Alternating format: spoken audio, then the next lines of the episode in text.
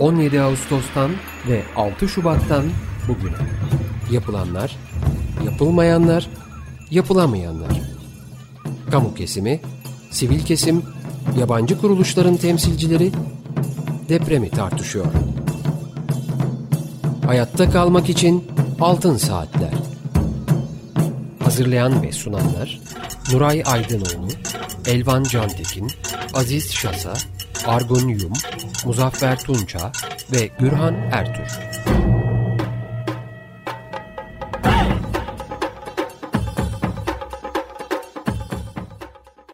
...95.0 Açık Radyo'dasınız. Bugün Dünyanın Cazı programının yapımcıları olan arkadaşlarımızın e, programına yine işgal ettik. Kendilerine çok teşekkür ediyoruz. Program saatini Altın Saatler ekibine ayırdıkları için. Keza Açık Dergi programının ilk saatini de e, bize verdi ilk sen Mavi Tuna. Ona da çok teşekkür ediyoruz. E, ve e, programı Mehmet Nuray Aydınoğlu, Argun Yum, Elvan Cantekin, Muzaffer Tunça ve Yağmur Yıldırım'la birlikte düzenliyoruz sunuyoruz. Teknik masada da Burak Muşlu arkadaşımız sesimizi sizlere ulaştırıyor. Telefon numaramız alan kodu 212 343 40 40. Elektronik posta adresimiz açıkradyo.com.tr Altın Saatler programlarının ses kayıtlarını Açık Radyo'nun internet adresinde podcast bölümünde dinleyebilirsiniz. Efendim bugün üç konuğumuz olacak ama ilk konuğumuz şu anda telefon hattımızda. Safa Semerci arkadaşımız, motokuryelerin sorumlusu. Ee, Safa Bey, hoş geldiniz programımıza. Hoş bulduk, merhaba, iyi günler.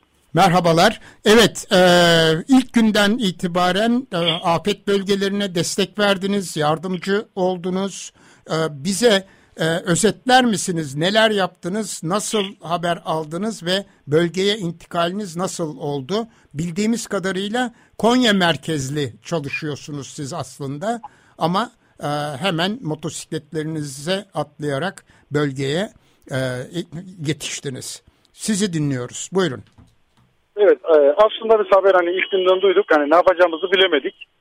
İkinci gün akşam hani dedim ki arkadaşlara bizim bir sorumluluğumuz vardı e, motosiklet olarak. Dedim ki abi Hikmet abi biz ne yapalım biz ne edebiliriz diye kendi aramızda istişare ederken e, biz de gidelim dedim. Toplayalım abi motorları gidelim dedim. En azından arabanın girmediği hani köylerini geçilemediği yerlere biz gideriz dedim. Öyle oldu. Üçüncü günü e, izinlerimizi aldık. E, kamyon Konya Büyükşehir Belediyesi'nden bir tane de otobüs bulabildik. E, kamyona yüklediğimizde akşam yola çıktık. Sabaha karşı oradaydık zaten. Gittiğimizde durumun nasıl olduğunu zaten orada gördük. Aslında az kişi gittiğimizde fark ettik. Kaç kişiydiniz? Yani ilk olarak 35 e, tane kurye, bunun 27'si motorlu. Bir de benim e, kuzenim var, sağlıkçı kendisi. Dedim ki sen insan toplayabilir, sağlıkçı toplayabilir misin dedi. O da 15 tane sağlıkçı ve ilaçlarla çıktık yola. Evet, bölgede yürüttüğünüz çalışmaları da e, aktarabilir misin lütfen? Gittiniz, kiminlerle bağlantı kurdunuz, ne tür çalışmalar yürüttünüz? Aslında buradan giderken kafamızda hiçbir düşünce yoktu. Direkt ne yapabiliriz diye gittik. Sonra oraya gittiğimizde bir Gülçin Hanım karşıladı bizi. Onu bulduk e, hastanede. Mustafa Kemal Paşa Hastanesi'nde, üniversitenin içinde. O bizi koordine etti daha doğrusu. İlaç, e, ondan sonra doktor, arabaların girmediği yere doktor, ilaç dağıtımı, köylere gittik e, köylere erzak, gıda, ilaç, gerekirse sağlıkçı götürdük, ilk yardım ekibi götürdük. Evet. Böyle, böyle devam ettik işlerimize, yaptığımız şeye. İlk olarak hastanenin e, sağlık ekipleri herhalde değil mi bu bahsettiğin evet, arkadaşımızda? İzmir'den gelen bir UMKİ ekibi vardı. Gülçin Hanım. E, evet. Onu bulduk. O bizi yönlendirdi. E, oraya bir kendimize yer aldık, yer açtık. Bütün eşyalarımızı koyup motorlarımızı indirdik oraya. Ondan sonra direkt başladık zaten. İlk olarak hatta enkazdan biri çık çıkmış. Acil doktor istediler. Üç tane doktor götürdük biz. O deprem alanına Hatay merkezine. Ondan sonra biz orada hemen koordine olduk. Ee, köylerin listesi, bir ekip oluşturduk. Ne yardım eksik, ne götürebiliriz, ne götüremeyiz. Sıkıntıları neler kendi aramızda tartışıp yönlenmeye başladık. Orada başhekim olsun, umki ekipler olsun bu konuda bize çok yardımcı oldular Böyle bir işin içine girdik ve mutluyuz yani. Devam eden bir ekibimiz var hala. İzmir'den, e, Konya'dan giden bir ekip var hala orada. Vardiyalı bir şekilde şu an hala Hatay'da duruyorlar. Vardiyayı nasıl düzenliyorsunuz? Haftalık mı? 15 günlük mü? Vallahi biz direkt gittik. Hani gece gündüz zaten sürekli çalıştık. Ondan sonra bir ekip daha çıktı. Biz de gelebilir miyiz abi dediler. Otobüs ayarladık. Ee, kendileri tır ayarlamış motorları getirmek için. 5-7. Ee, gün o ekip geldi. O ekibi devrettik. Ben de olayı öğrettim. Hani kimlere irtibat edebilecekleri, kimlerden yardım alabilecekleri şekilde e, şey yaptık. Telefonları numaralarını ilettik. Aynı şekilde şu an o ekip hala orada devam ediyor. Evet. Özel... Bu, da, pardon. E, bu dağıttığınız yardımlar e, AFAD'ın e, depolarından mı çıkıyor yoksa başka depolardan mı? Birçok yardım geldi oraya. AFAD olsun, Kızılay olsun birçok vakıftan gelen yardımlar vardı. Biz hastanede olduğumuz için daha hı hı. çok e, AFAD'ın ilk yardımlar oraya gelirdi. Biz tırdan indirmesinden tutun da köylere gitmesine kadar her şeyde elimiz var. E, hep her türlü yardıma bulunduk orada. Ama Hatay'da birçok yardım gördük. Birçok vakfın yardımlarını gördük. Tır, tırlarını gördük. Birçok insan oradaydı. E, ben hayır şey açısından sordum. Yani bu yardımların hangi köye gideceğini falan kararlaştıran e, bir mekanizma var mıydı orada işte? AFAD mı yapıyordu bu işi, Kızılay mı yapıyordu yoksa e, başka yerlerden mi hani bilgi geliyordu size? İlk başta biz kendimiz yapmaya çalıştık her şeyi. E, Twitter'dan olsun, sosyal mecralardan. Yardım isteyen köylere artık biraz da duyulmuştuk. İnsanlar bizi paylaştığı için orada yardım için bizi arıyorlardı. İlk başta karambole gittik, köylere gittik, kentlere gittik. Ondan sonra ikinci gününden sonra yani bizim gittiğimiz ikinci günden sonra da artık biraz daha koordine olmaya başladık. Doktorlardan yardım isteyen oluyordu. Doktorlar bize iletiyordu. E, doktor gideceği yer varsa doktoru biz götürüyorduk enkazdan. Çünkü arabaların giremediği çok yer vardı oraya. Çok fazla insan kalabalığı vardı. Yol trafik tıkalıydı. Biz doktorları e, gerekirse hani hastaneden çıkan yaşlılar, hastaları yer, evlerine kadar götürüyorduk. Çadırlara kadar götürüyorduk. Anladım. İki günden Siz sonra daha çok bir... koordine olmaya başladık kendi aramızda. Ee, bu şekilde bir e, hastanenin, üniversite hastanesinin bahçesinde bir bir şekilde bir üs kurdunuz. Oradan e, şey taleplere cevap verdiniz. Öyle evet, anlıyorum. Doğru evet, mudur? Doğrudur. Sonradan zaten aileler yanımıza gelmeye başladı. İşte Hı-hı. çocuğum kayıp bulabilir misiniz? Babamı bulamıyorum diye biz sürekli ailelerinde fotoğrafını almaya başladık. Gittiğimiz yerde fotoğraflarını sorup isim soy isim bulabilir miyiz diye o tür yardımlarda da bulunduk. Ee, bu çok ilginç bir şey esasında. Hani normal lojistik hizmetin dışında bir de bu şekilde e, hani e, normal e, zamanda araçların arama kurtarma araçlarının falan giremediği bölgelerde sizler bu şekilde e, bu böyle bir hizmet de verdiniz. Doğru mu? Doğru evet. Yani zaten evet. çok kötüydü oralar. Enkaz alanı olsun. Hani yollar Hı-hı. sürekli kapalıydı. İnsanlar sürekli hataya hakkın ediyordu. Gitmekten ziyade sürekli oraya gelen bir insan seli olduğu için çok fazla trafik yoğun, enkazlar yol kapalıydı. Biz de artık geçebildiğimiz yerden yapabildiğimiz her türlü yardım yapmak için canla başla çalıştık. Kendimize Anladım. görev edindik bunu. Ee, peki e, yani işte oradaki edindiğiniz tecrübeler içerisinde baktığınızda esasında bu çok önemli bir hizmet ve hakikaten e, mesela İstanbul gibi bir kentte böyle bir şey e, e yani Allah korusun böyle bir afet olduğu takdirde benzer hizmetlere inanılmaz derecede ihtiyaç duyulacak. E, bu konuda bu tecrübeler çerçevesinde hani şöyle bir düzenleme yapılsa motokuryelerin e, bu faaliyetleri çok daha verimli olur e, diye düşündüğünüz e, belli ya bir, bir takım şeyler var mı? De, de, evet bu konuda... yani bunu oradayken de konuştuk. Allah esirgesin. Böyle bir şey olursa daha iyi nasıl yardım edebiliriz? Bunu bu şekilde tecrübe edelim dedik. Aynı şekilde hani minimalize edersek e, oraya gelen kurye arkadaşlara yaşadığımız olayları, yaşadığımız sıkıntıları aktarıp ne yapabileceklerini, nereden yol alabileceklerini bu tür şeyleri orada bile yaptık yani. Bizden sonra gelen ekibe de aynı şekilde ilettik. Ee, Allah esirgesin dediğimiz gibi İstanbul gibi öyle bir yer olursa kesinlikle hani artık Konya değil Ankara, İzmir, İstanbul bütün Türkiye'den kurye arkadaşlar sesimizi duydu. Gelenler oldu. Farklı illere de gidenler oldu. Aynı şekilde Allah esirgesin dediğiniz gibi İstanbul'a da gideceğiz. Her yere gideriz yani. Ee, peki mesela e, gene bu şey tecrübe çerçevesinde e, motokuryelere normal zamanda böyle bir afet daha e, ortaya çıkmadan e, bu konuda bir böyle temel bir eğitimin verilmesi e, nelerin tehlikeli olabileceği böyle bir ortamda nelerin yapılıp nelerin yapılmaması gerektiği falan e, şeklinde bir basit bir eğitim e, sizce faydalı olur mu? Kesinlikle faydalı olur çünkü yaşadığımız birçok zorluk var. en basitten yakıttan tutun da hani yağmacılar denildi. Onlara kadar birçok sıkıntı yaşadık. Ee, böyle ufak dediğiniz gibi temel bir eğitim bizim çok çok işimize yarar. Peki sizin e, Türkiye çapında bir örgütlenmeniz var mı e, motokuryeler olarak yoksa e, şehir kent kent mi, il il mi?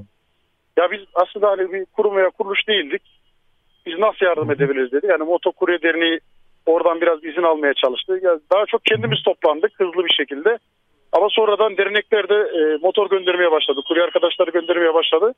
Böyle bir belli yere bağlı olunca daha hızlı hareket edip daha hızlı aksiyon alınabiliyor aslında. Ee, peki yani bu şekilde bir e, motokurye dernekleri bilemiyorum var mı yok mu o konuda bu. İstanbul'da hiçbir bilgim yok ama e, varsa e, onlar e, aracılığıyla böyle bir eğitimin sağlanması e, böyle bir hazırlık çalışmasının yapılması herhalde önemli bir e, şey başarı olur değil mi? Kesinlikle çok önemli bir katkı sağlar. Hem birlik beraberlik sağlanır. Mesela bunu sesimizi duyamayan arkadaşlar vardı. Mesela federasyonlara, derneklere bağlı kalsalar dernek daha çabuk herkese ulaşabilir. Federasyonlar daha çabuk ulaşabilir. Ve eğitimleri daha iyi şekilde alabilirler.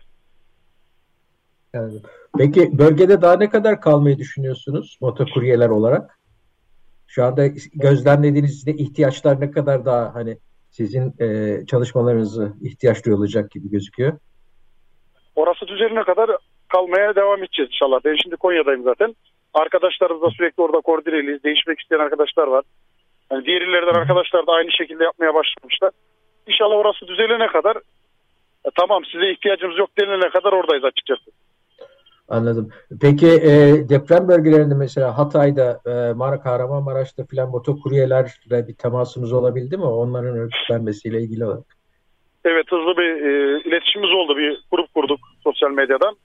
Sürekli sıkıntılar, dertler yani ne lazımsa kuryeler ona göre bölgeye intikal ediyor ya da ona göre aksiyon oluyor. Yani diğer illerle de bağlantımız oldu sonradan.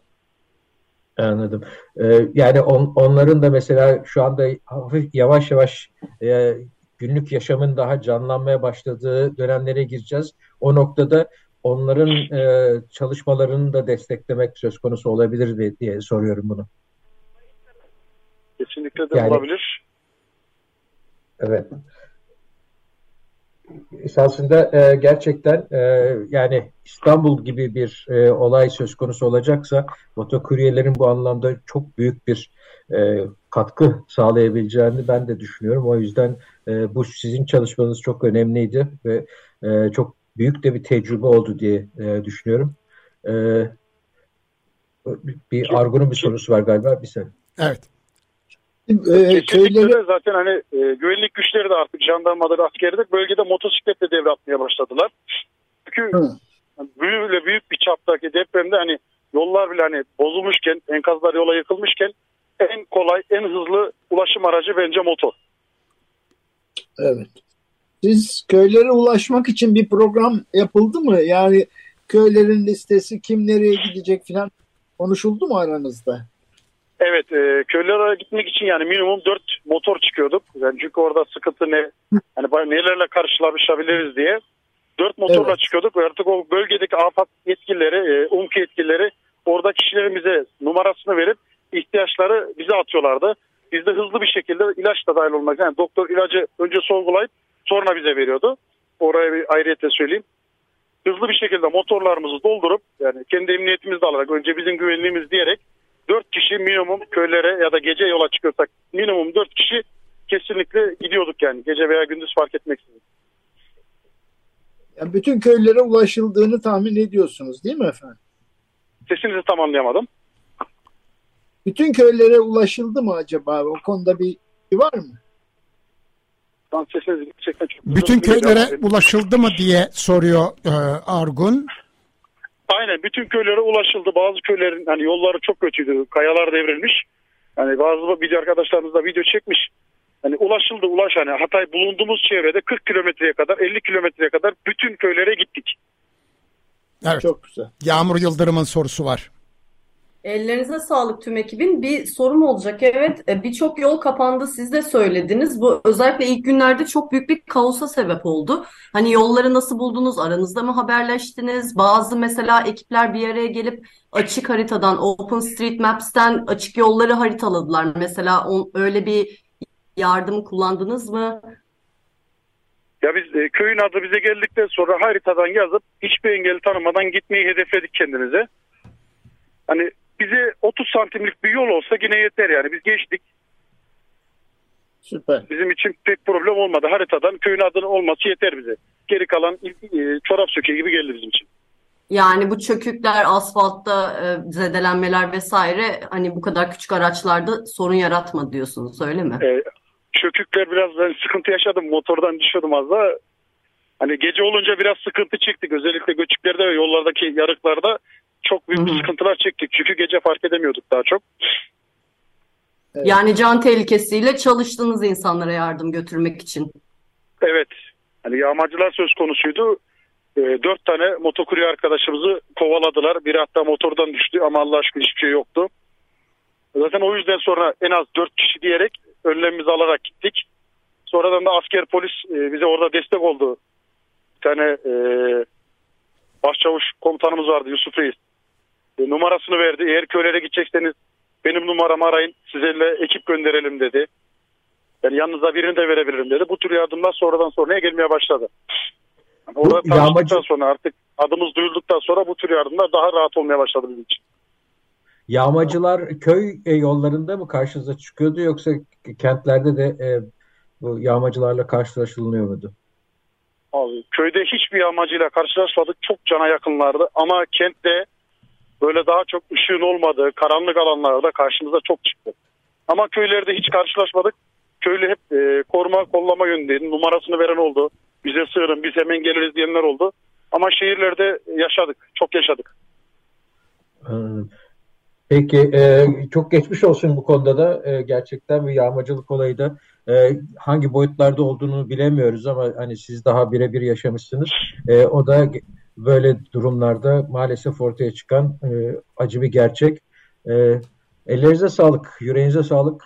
Gerçekten çok önemli bir çalışma yaptığınızı düşünüyorum ve bu çalışmanın e, birikimleriyle birlikte e, İstanbul gibi büyük metropollerde de hazırlık yapılmasında çok büyük fayda var diye düşünüyorum.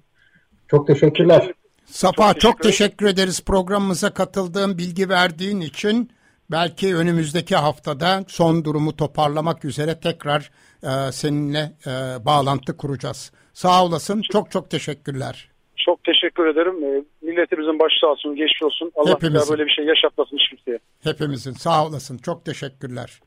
Sağ Evet. olun, iyi çalışmalar. Motokuryeler sorumlusu Safa Semerci ile konuştuk ve yürüttükleri çalışmalar hakkında bilgi aldık. Şimdi hemen Profesör Doktor Okan Tüysüz hocamıza bağlanıyoruz.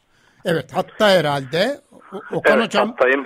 merhabalar. Evet Merhabalar, iyi yayınlar. sağ olunuz çok teşekkürler hocam. Ee, hepimize geçmiş olsun Ee, ve e, başsağlığı diliyoruz bütün Türkiye'ye.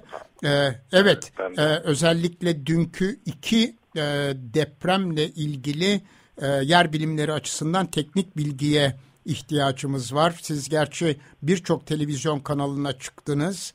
Ee, orada da bilgileri verdiniz ama Açık Radyo dinleyicileri de her zaman olduğu gibi sizi merak ediyor. Anlatacaklarınızı dinlemek istiyoruz. Evet. Buyurun. Sağ olun. Şimdi e, 7.8 ve 7.6'lık depremi yaratan faylar doğrusu atımlı faylar. Yani bloklarının birbirine göre yanal olarak hareket ettiği faylar. E, bu faylarda deprem olduğu zaman fayın uç kesimleri genellikle stresin yoğunlaştığı e, alanlara karşılık gelirler. Bunu şöyle bir örnekle de açıklayalım. İki tane tuğlayı yan yana koyun. Birini teklediğiniz zaman öteki de ileriye doğru hareket eder. Dolayısıyla fay bloku bir yöne doğru gittiği zaman onun önünde bulunan yerleri sıkıştırır. Arkasında bulunan yerleri ise daha gevşemesine yol açar. Bu işte stres birikiminin çok kabaca tanımlanmış bir örneği olarak düşünülebilir. Şimdi iki deprem oldu, iki önemli fay kırıldı. Bunlardan bir tanesi yaklaşık Çelikan civarından başladı. e, göl başından e, pazar yerinden Türkoğlu'na ve oradan aşağıya doğru dönerek e, İslahiye e, e, ve Kırıkhan'dan geçerek e, Antakya yakınlarına kadar uzandı. Dolayısıyla Antakya yakınlarından itibaren e, bir stres birikimi olduğunu söylemek mümkün. Bir diğer stres birikiminde kuzeyde Çelikhan'dan kuzeye doğru olduğunu söylemek mümkün. E, bunun sonucu olarak e, dün ve ondan önceki günlerde hep konuştuk deprem olduğundan bu yana. Bu iki uç kısımda acaba tetiklenmiş yeni bir deprem olabilir mi diye böyle bir olasılık yüksekti. E, nitekim dün akşam e, 6.4 büyüklüğündeki deprem Samandağ'ında gelişti. Samandağ yöresinden sanıyorum Açık Radyo'da daha önce de hep konuştuk. Burası deprem açısından önemli bir bölge. Çünkü burada eski kıyı çizgisinin depremlerle e, yukarı doğru taşındığını, yükseldiğini biliyoruz. Bu oldukça eski bilinen bir olay. Bizim de e, Samandağ ve hatta yöresinde yaptığımız çalışmalarda deniz seviyesinden, bugünkü deniz seviyesinden 200 metre yukarı kadar yükselen eski deniz kıyısı izlerini bulmuştuk. Bu da bölgenin depremlerle yükseltildiğini gösteriyordu. Bu anlamda da bu bölgedeki fayları da haritaladığımızdan burada böyle bir deprem beklentisi, tetiklenmiş bir deprem beklentisi vardı. Nitekim dün akşam maalesef hani keşke gerçekleşmeseydi diyeceğimiz şekilde 6.4'lük bir deprem gelişti ve bu daha önce hasar görmüş yapılarda bazılarının yıkılmasına, bazılarda hasarın artmasına neden oldu. Tabi bölgede başka depremler olabilir mi? Ee, ikinci stres artışı olan bölge e, kuzeyde demiştik. Kuzeyde de Palu, e, Bingöl arasında bazı depremler gerçekleşiyor dördün üzerine çıkan. Bu da o bölgede bir sıkışmanın olduğunu gösteren bir işaret olarak değerlendirilebilir. Bir diğer e,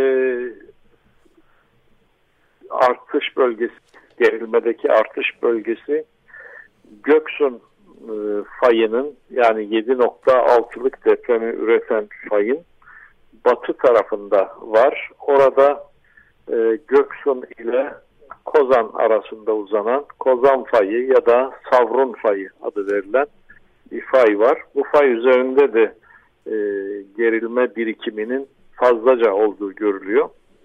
Ancak bu fayların yani e, batıda bulunan gerek Göksu'nda gerekse Adana civarında olan fayların e, tekrarlanma aralıkları çok uzun. Yani binlerce yılda bir deprem olan faylar bunlar. Dolayısıyla bu stres artışının orada nasıl bir etki yarattığı konusunda e, bunun ne zaman ya da hangi aralıkta deprem beklentisine dönüşeceği e, konusunda çok da fazla güvenilir veriler elimizde yok. Oldukça sınırlı veriler var. Bu sınırlı verilerle de çok fazla bir şey söylemek mümkün değil. Ama bu saydığım bölgelerde e, özellikle hastane vesaire gibi binalara biraz daha dikkat edilmesi gerektiğini ve hasarlı binalara girilmemesi gerektiğini e, belirtmek gerek. Tabii dün akşamki olay aynı zamanda hasarlı binalara niçin girilmemesi gerektiğini bu yöndeki duyuruları sık sık gerek bizlerin gerek AFAD'ın tekrarladığını da açık bir biçimde gösterdi. E, dün akşamki olayda 6 vatandaşımız canını yitirirken 300'den fazla yaralı ortaya çıktı.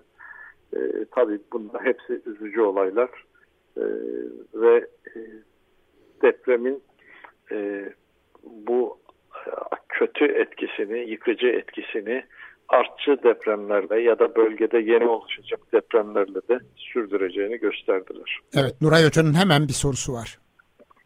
Hocam birkaç sorun var. Ee, bir kere bu Samandağ civarında bu depremin merkezi. Ama evet. AFAD bunu Defne'de gösterdi. Orada herhalde bir, yanlışlık var değil mi? Orada bir karışıklık var hocam. 5.8'lik deprem de USGS ya da MSC gibi Avrupa Sismoloji Merkezi gibi yerlerde gösterilmediler.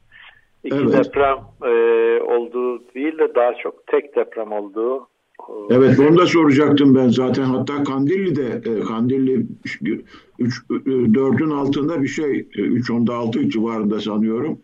Ee, evet. Öyle bir deprem şey yaptı, deklare etti. Orada evet. da bir problem var. Ama tabii bu 6.4'lük veya bugün baktım e, USGS 6.3 diyor. Gerçi bilmiyorum önemli mi? E, e, bu depremin mekanizması e, sanıyorum sizin e, bazı televizyon, yanılmıyorsam bazı televizyonlardaki e, açıklamalarınızdan bunun e, Kıbrıs'tan e, gelen Kıbrıs e, arkının bir devamı da bir meydana geldiği gibi bir izlenim evet. aldım ama çok iyi takip edemedim ben. herhalde farklı bir mekanizma mı var? Evet, bu büyük ölçüde sol yanal atımlı yine. Antakya civarından, Antakya'nın içinden başlıyor. Samandağ'a giden çukurluk içerisinde e, izleniyor. Sol yanal atımlı.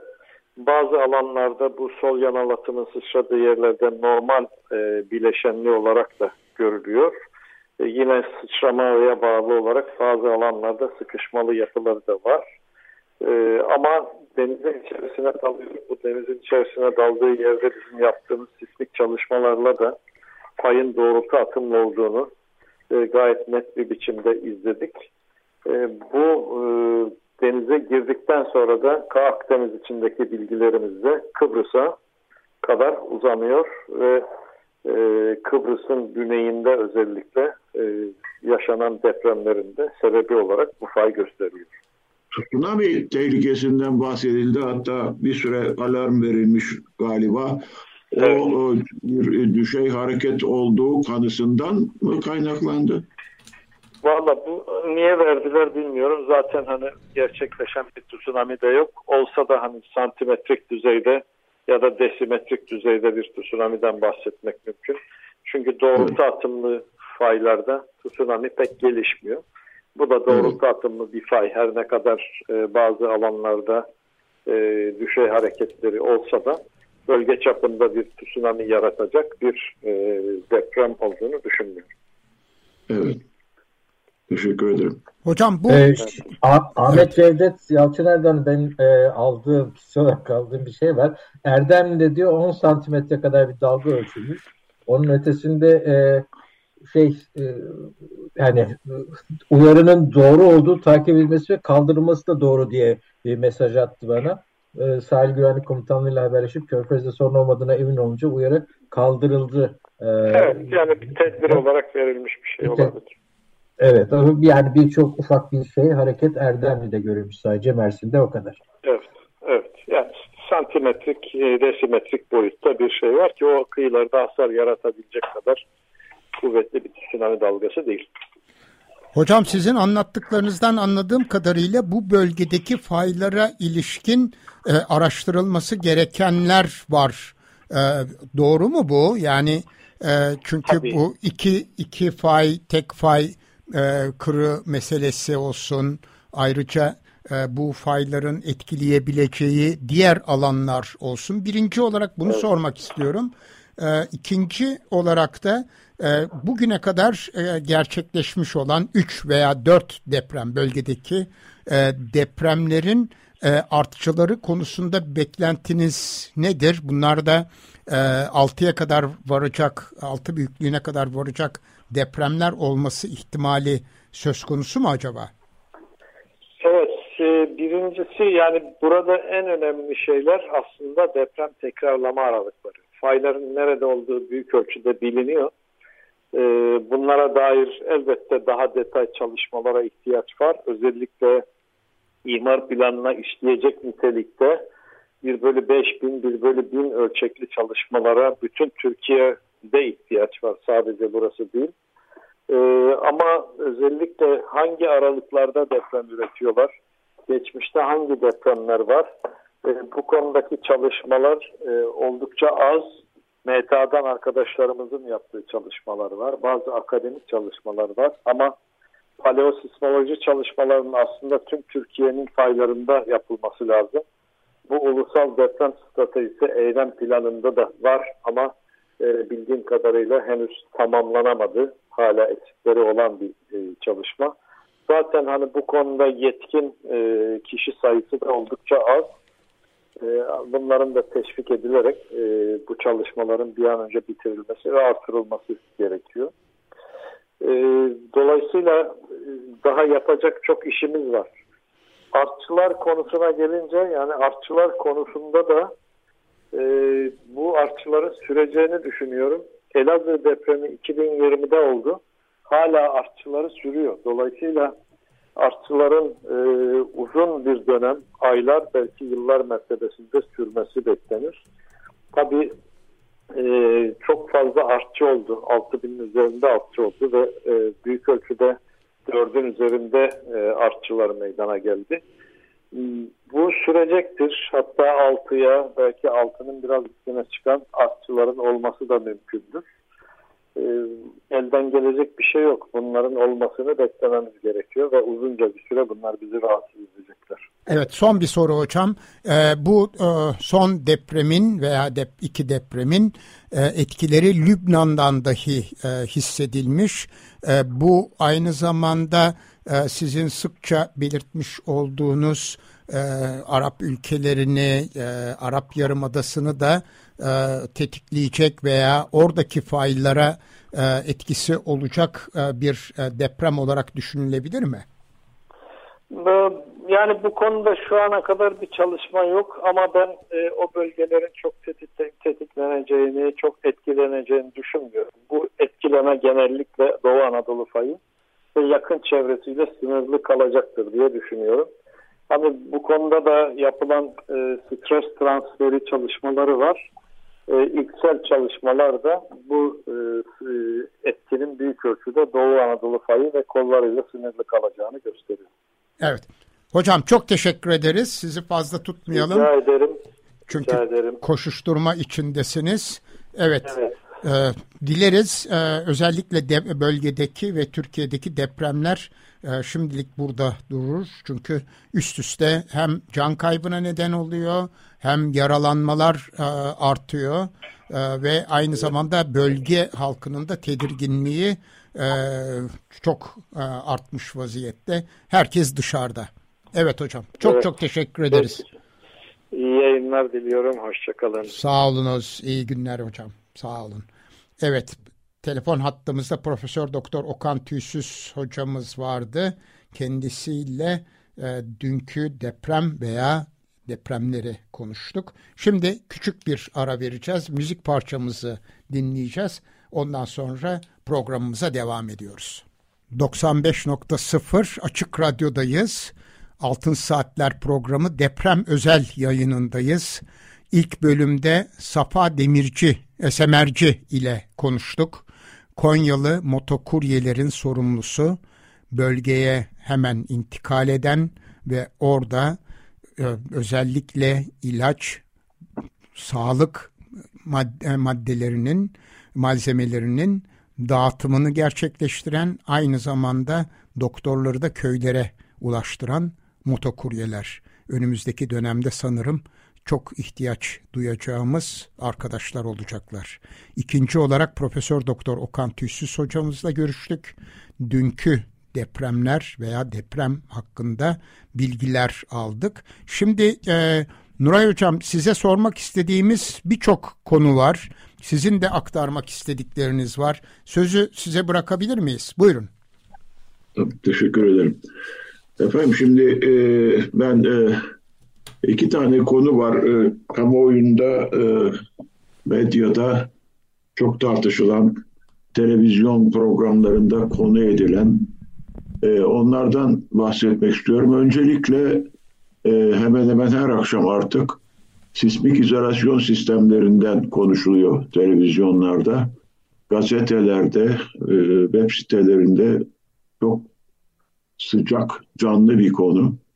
Ve tabii konu şu, yani şu anda Türkiye'de e, ve dünyanın pek çok yerinde e, sismik izolasyon sistemleri kullanılıyor ama bunlar sınırlı olarak kullanıyor. Öncelikle sismik izolasyonu biliyoruz ama kısa bir tanımını yapalım. Ee, binanın tabanında temel ile üst yapı arasında e, deprem titreşimlerini büyük ölçüde izole ederek titreşimlerin bina üst yapısına geçmesini engelleyen, e, önleyen e, ve daha doğrusu bir miktar titreşim geçer ama bu titreşimlerin çok düşük, düşük düzeylere inmesini sağlayan teknolojik araçlar, izolatörler.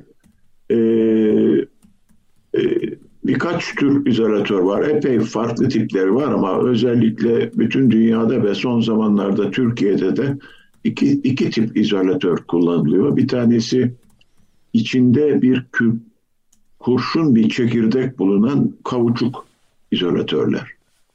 Ee, kurşun e, büyük ölçüde sönümü e, sağlıyor ve rigidlik sağlıyor ve aynı zamanda e, e, sönümü arttıran bir şey. E, bir, bunlar kullanılıyor. E, bir de sürtünme, sürtünmeli sarkaç türü dediğimiz e, metalik yapılı e, izolatörler kullanılıyor. E, en çok kullanılanlar bunlar. Ve bunlar nerede kullanılıyor? E, Türkiye'de yaygın olarak hastanelerde kullanılıyor.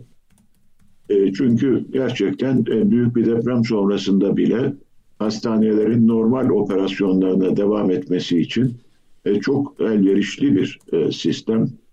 Ülkemizde de Sağlık Bakanlığı yüksek deprem tehlikesi olan bölgelerde e, belirli yatak sayısının üstündeki sanıyorum 100 yatağın üstündeki hastanelerde deprem yalıtım sistemlerinin uygulanmasını zorunlu kıldı ve bu bu uygulama devam ediyor.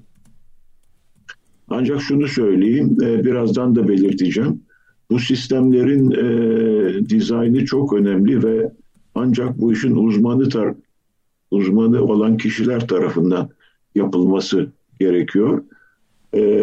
2018 ee, yönetmeliğinde bunu dikkate alarak e, bu tür sistemlerin 2018 yöneti, deprem yönetmeliği ile oluşturulan tasarım gözetmenliği sisteminin içine de alındı.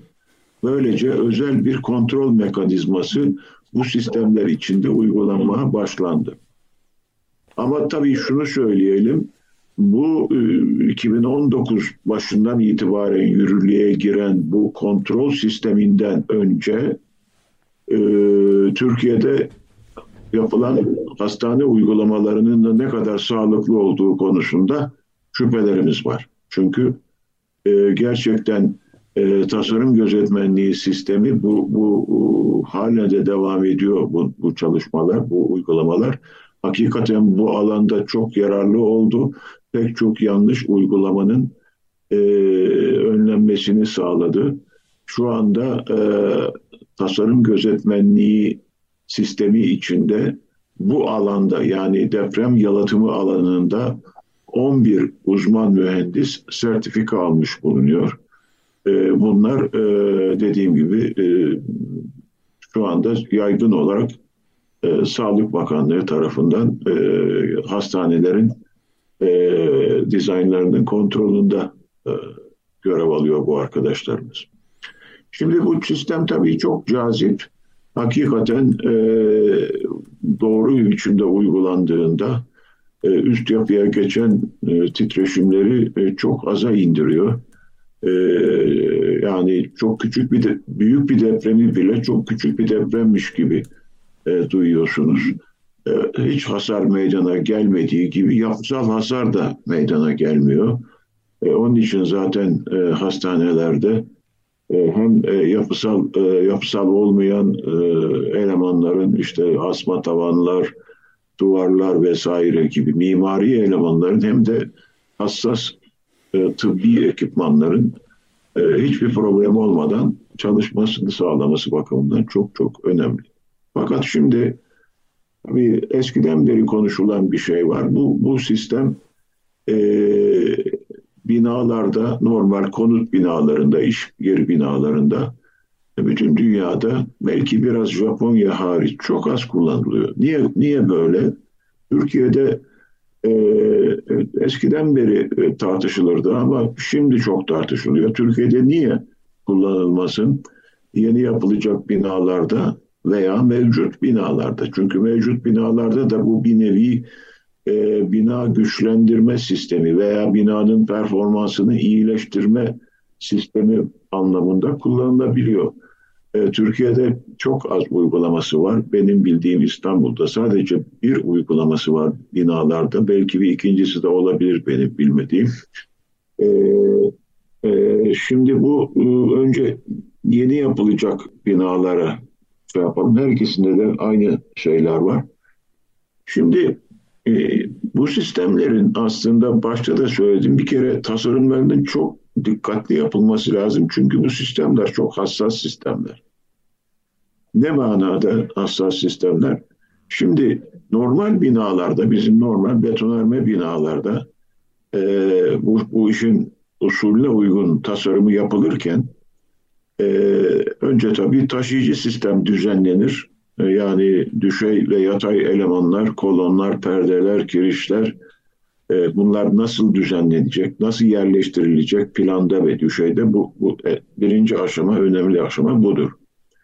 E, ve aynı zamanda yani tecrübeli bir mühendis ya iyi yapılmış bir tasarımda bu elemanlardan bazılarının depremde hasar görmesi halinde daima onları yedekleyecek başka elemanların da devreye girmesi sağlanır. Yani bunun için de düşünülür ve bu, bu, bu planlanır. Bazı durumlarda da bu kendiliğinden zaten sağlanır. Ee, yani sistem kendi yedekleme e, elemanlarını zaten içeriyordur. Fakat de, deprem yalıtımlı binalarda böyle bir şey mümkün değil. Çünkü e, yani bu, bu sistemler hiç yedeklemesi olmayan sistemler. Çünkü bütün bina temel seviyesinde koyduğumuz izolatörler üzerinde kayıyor. Yani kayarak kaymıyor da onların çok büyük deformasyon yapabiliyor onlar.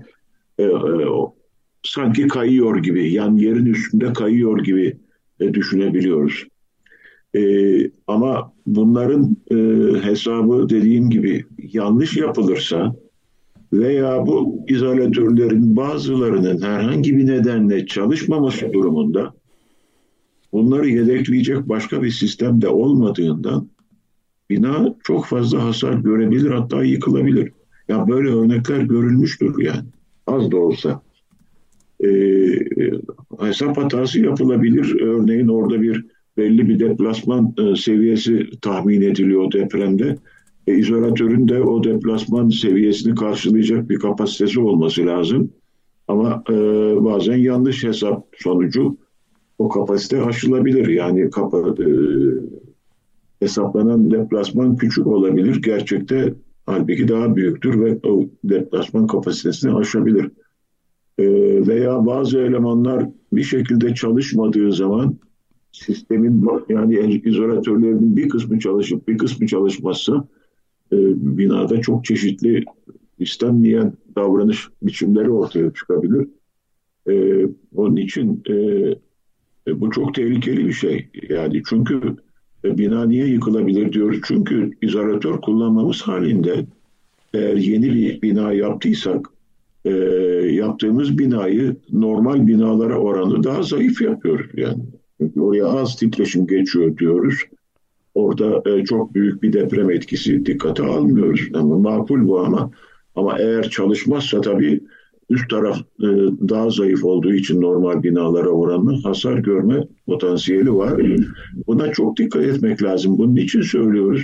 Şimdi Türkiye'de maalesef çok ilkel bir tasarım düzenimiz var. Çok ilkel bir inşaat düzenimiz var. Yani bu tür şeyleri, e, sistemleri e, Sağlık Bakanlığı gerçekten uzman mühendislere yaptırmaya çalışıyor ve bu işi bilen mühendislere e, ihaleyle veriyor. Aynı zamanda da biraz önce belirttiğim gibi tasarım gözetmenliği sistemi sayesinde 2019'dan bu yana bu sistemler güzelce kontrol ediliyor. Şunu söyleyeyim. Tasarım gözetmenliği sistemi e, e, deprem yönetmeliği ve e, deprem yönetmeliğindeki bu sistemin e, imar kanununa da girmesi ile Türkiye'de deprem yapılı, yalıtımı yapılacak bütün binalar bu tasarım gözetmenliği sisteminin şey olacak, tabi olacak. Dolayısıyla e, o zaman çok büyük problemler çıkabilir. Çünkü yani e, doğru dürüst bir e, çok yaygın anlamda dediğim gibi az sayıda şeyimiz var. Hastanelere yetiyor bu. E, şu anda e, tasarım gözetmenlerinin sayısı da hastaneler için yeterli. E, bunların birden arttığını düşünün talebin. Bütün binalar e, bir furya halinde yapılırsa buna ne mühendis yetişir ne kontrol etme imkanımız olur. Yani o zaman da çok riskli bir şey yapmış oluruz. Yani bunu dikkat etmek lazım. Niye? Çünkü son zaman hani birkaç tane e, programda ben de izledim. Yani şimdi burada biraz çıkar çatışması da söz konusu. Bir takım kişiler resmen bu sistemleri pazarlamaya çalışıyorlar. Ve her türlü konut binalarında da mevcut veya yeni yapılacak e, sistemler için kullanılması için yaygın bir şekilde kampanya yapıyorlar. Hatta e, dün veya evvelki akşam yapılan bir şeyde bunun işte fiyatı da verildi. E, bir, bir konuşmacı, bir öğretim üyesi arkadaşımız işte bunların ne kadar ucuz olduğunu e, söyledi. E, ve programda da çok cazip sonuç olarak çok bunların çok cazip olduğu gibi bir sonuca varıldı. E, bunun yani doğru olmadığını e, düşünüyoruz. E, şimdi bazı, bazı Evet. Bu, bu konuda bir şey sorabilir miyim de tam o, o noktadayken? Şimdi e, siz diyorsunuz ki bunların tasarımlarının mutlaka uzman kişiler tarafından denetlenmesi gerekiyor. Evet. E, yönetmelik bunu gerektiriyor. Do, evet. Yanlış mı anladım? Evet, e, peki e, peki böyle bir sınırlama varken ya da böyle bir kural varken e, insanlar nasıl televizyona çıkıp da e, bunun e, işte yaygın bir şekilde kullanabilmesine yönelik olarak bir e, e, ne diyeyim artık sizin deneyiminizde tanıtım yapıyorlar. Bunu, bunu anlamakta zorluk çektim ben. Yani hemen ulaşılacak ve herkesin kolaylıkla ulaşabileceği bir e, uygulama söz konusu değil burada. Bir Gayet tabii. Bakın gerekiyor. yani o, o, o kadar çok şey var ki yani e, bunlar bunların yapılması için bir takım zorluklar var bir takım sakıncalar var. Hatta imkansızlıklar var. Her yerde yapamazsınız. Mesela bitişik nizam binalara yapamazsınız. Yani mevcut bina bağlamında. Ee, Hatta, bir de bu, evet. Bir de bu arada galiba şey e, bu deplasman nedeniyle e, bu binanın oturduğu arsa e, da daha geniş tutulması gerekiyor. Oradan da bir emsal kaybı falan söz konusu. Doğru mudur? Onu bilemiyorum yani e, işin e, imar tarafını bilemiyorum. Yani tabii bu binanın çevresinden izole edilmesi lazım ta temeline kadar. E, burada tabii şöyle bir şey var bu izolasyonla ilgili. E, binaya giren çıkan e, işte bütün boru sistemleri, kablolar vesaire bunların hepsinin flexible bağlantılarla, esnek bağlantılarla yapılması lazım. Bir deprem durumunda hepsinin hasar görmesi aksi takdirde söz konusu olur. Ve bir, bir, bu depremlerin de bina depremden sonra çalışacağı varsayıldığına göre tabii mesela o basit bir şey gibi görünüyor ama bu da önemli bir şey. Ee, o boşlukların mutlaka e, açık olarak şey olması lazım. Hatırlarsınız e, Ömer Ülke e, e, sanıyorum Maraş civarındaki bir hastanede o boşluğun betonla doldurulduğunu söyledi ve bu yüzden de binanın hasar gördüğünü yani yapısal olmayan işteyse hasar gördüğünü ama sonuç olarak hastanenin çalışamadığını söyledi. Şimdi bunların kullanımı da demek ki çok şey yani e, önem kazanıyor. Bunu böyle kullanımı ve bakımı da özellik arz eden şeyler. Şimdi bunları bazı bazı binalarda yapamazsınız. Mesela çok yüksek binada yapamazsınız. Yani orta boy ve hatta alçak binalarda yapabilirsiniz. Bitişik nizamda dediğim gibi olmaz. Ayrık nizamda olsa bile eğer ayrık nizamdaki binalar birbirine yakınsa mesela son depremde gördüğüm e, bir bina yıkılıyor, yandaki binayı hasarı uğratıyor. E, o zaman e, bu binanın hiçbir yedek şeyi yok. Yandaki bina bu binanın yani izolasyonlu binanın üstüne yıkılsa e, tamamen bu binada kayar gider ve devrilir, göçer, e, her türlü şey olabilir.